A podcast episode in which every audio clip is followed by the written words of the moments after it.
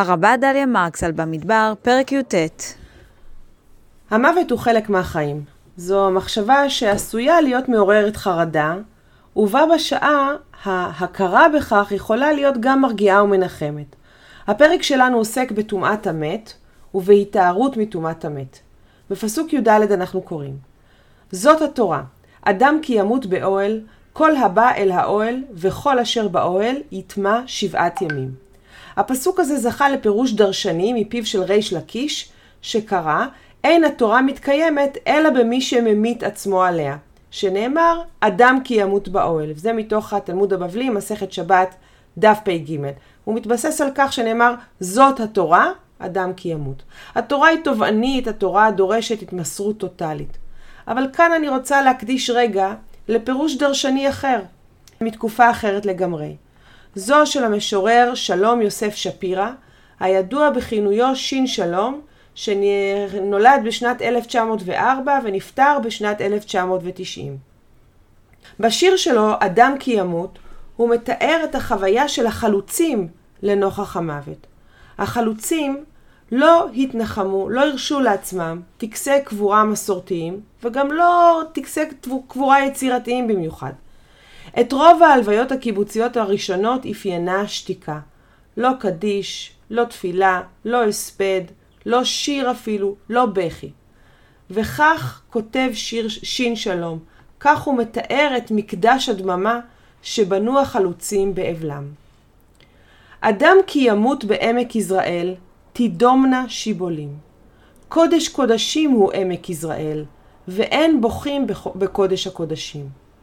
וברדת הלילה על עמק יזרעאל, הזדעזעו כוכבים. נרות נשמה הם בעמק יזרעאל, לאלה שאין להם קדיש.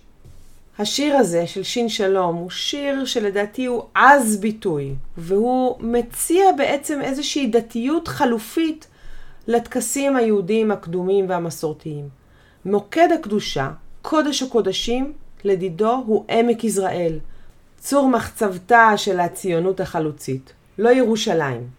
העמידה נוכח הקדושה מחייבת ריסון ושליטה עצמית. איש אינו רשאי, אומר שין שלום, לבכות בקודש הקודשים. זה מקום שמחייב עמידה אחרת. אך שכרם של המתאפקים הוא שהשמיים וכוכביהם בוכים, כפי שהוא כותב, לאלה שאין להם קדיש. יש כאן איזושהי שתיקה שנובעת מהתאפקות וגם מהימנעות מטקסים דתיים.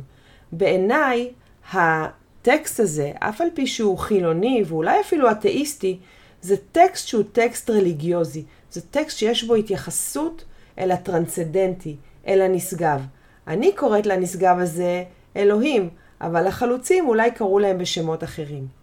ולא רק יחס לנשגב יש בשיר הזה, בשיר האולי מתריס הזה, אלא גם מקורות ההשראה. הכותרת שלו לקוחה מפסוק מפרקנו, אדם כי ימות באוהל, ובמקרה הזה אוהל ממש, האוהל של החלוצים.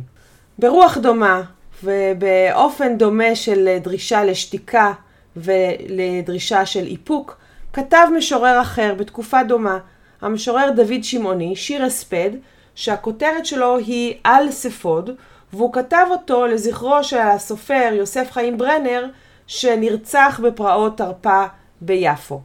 לשונו של הבית הראשון היא כזאת: על ספוד, על בכות בעת כזאת. על הורד ראש, אבוד, אבוד, החורש, חרוש, הזורע, זרע. ברגע רע, כפליים עמול, כפליים יצור. השיר הזה הולחן אחר כך על ידי יוסף מילט, וזו איזושהי תשובה לאבל או תשובה לרצחנות. התשובה אליהם היא שתיקה, אבל המשך ביתר שאת של העבודה, של העמל, של היצירה, של החיים.